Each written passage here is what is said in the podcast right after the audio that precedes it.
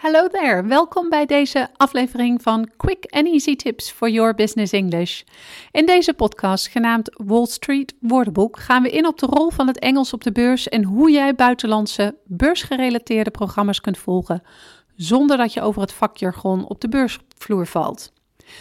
Mijn naam is Anneke Benelle Rijver van Improve Your Business English en de auteur van het boek Master Your Business English: Communicate with Power in 7 Simple Steps. Ik help ondernemers en doelgerichte professionals van hun middelbare school Engels af, zodat zij ook internationaal met impact en vol zelfvertrouwen in het Engels kunnen communiceren.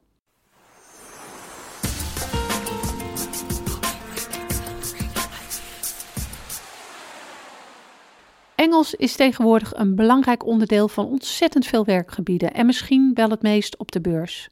De beurs is namelijk een internationale ontmoetingsplek waar allerlei ondernemingen, culturen en talen samenkomen en met elkaar connecten in de wereldtaal Engels. Juist omdat de Amerikaanse financiële wereld, ofwel de wereld van Wall Street, zo centraal staat, is het handig om de juiste Engelse termen te kennen en om Amerikaanse beursgerelateerde sites en programma's te gebruiken, om zo een oogje op alle gebeurtenissen op Wall Street te houden.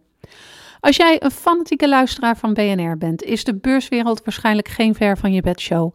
Ik neem dan ook aan dat deze je een hoop interesseert en wellicht ben je zelfs een fervent volger van het buitenlandse beursnieuws.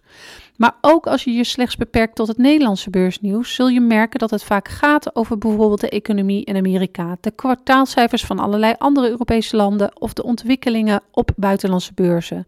Concluderend, het is enorm internationaal gericht en zo glipperen er dus ook regelmatig Engelse termen door het Nederlandse nieuws rondom de beurs. Daarom wil ik je in deze podcast enkele tips meegeven vanuit het oogpunt van een professional in de Engelse taal. Daarom zal ik kort beginnen met het uitleggen van hoe je nou bij het juiste buitenlandse beursnieuws terechtkomt en vervolgens zal ik ingaan op veel voorkomende termen op de internationale beurs.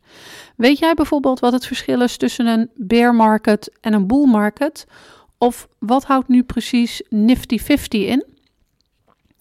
Ook vertel ik je tot slot hoe je via Improve Your Business English gratis toegang kunt krijgen tot een mini-woordenboek voor op de beursvloer, waarin de meest veel voorkomende termen staan. Ideaal voor als jij je in de wereld van het beleggen en de beurs bevindt of als je het interessant vindt om het nieuws hier omheen te volgen. Let's get started. Allereerst, waar kun je terecht om het buitenlandse beursnieuws te volgen? In Nederland ben je waarschijnlijk al bekend met platforms als het Financieel Dagblad en BNR Nieuwsradio. Maar zo zijn er ook vergelijkbare buitenlandse sites over beleggen en de beurs. Allereerst is er uiteraard het Wall Street Journal, een krant die misschien het beste vergelijk is met het FD, omdat de belangrijkste focus ligt op het nieuws rondom de beurs. Een ander online voorbeeld is de site marketwatch.com. Hierop vind je onder andere uitgebreide artikelen over wat er nu precies gaande is op de beurs, welke kant de beurs volgens hen opgaat en waarom, en advies over wat de beste aandelen zijn om op het moment in te investeren. Dit zijn slechts twee voorbeelden, maar er zijn talloze sites, apps en andere platforms waarmee je het laatste nieuws kunt bijhouden. Ik zou je daarom willen adviseren om met de zoekterm Wall Street News, Latest Stock Market News of Stock Market Today op te zoeken welk platform het beste bij jou past. Vervolgens komen we bij het volgende punt. Uh, het is ook mogelijk dat je dolgraag het buitenlandse nieuws wilt volgen, maar niet over de juiste woordenschat beschikt. Dat is helemaal niet zo gek. De beurswereld gebruikt namelijk ontzettend veel vakjargon. En in het Nederlands ben je waarschijnlijk wel bekend met alle economische en beursgerelateerde termen. Bijvoorbeeld als jouw, vak, jouw werkveld zich in dit gebied bevindt, of als je simpelweg heel interessant vindt om dit nieuws te volgen. In het Engels kan dat echter heel handig zijn. Juist daarom heb ik een lijst voor je samengesteld met termen die regelmatig voorbij komen op en rondom de beursvloer. Aan het einde van deze podcast vertel ik je waar je deze lijst gratis kunt downloaden en in de podcast lig ik vast een paar woorden uit deze lijst toe. Bears en bulls zijn termen uit de dierenwereld die je misschien ook wel eens in de economische wereld bent tegengekomen. Heb je enig idee wat het betekent? Bears en bulls zijn benamingen voor beleggers die inzetten op een verandering van de beurs. Bears zijn beleggers die inzetten op een daling van de beurs en een bear market is dan ook een daling van de beurs.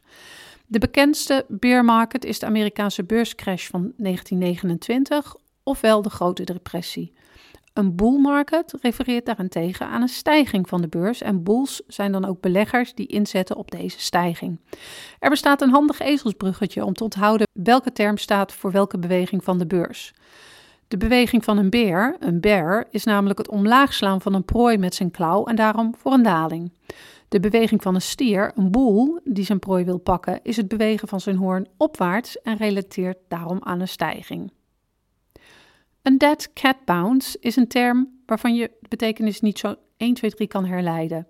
De bounce in deze term slaat op de beweging van een aandeel. Het is namelijk een aandeel dat heel hard en heel snel naar beneden is gegaan, maar dan weer enigszins opveert.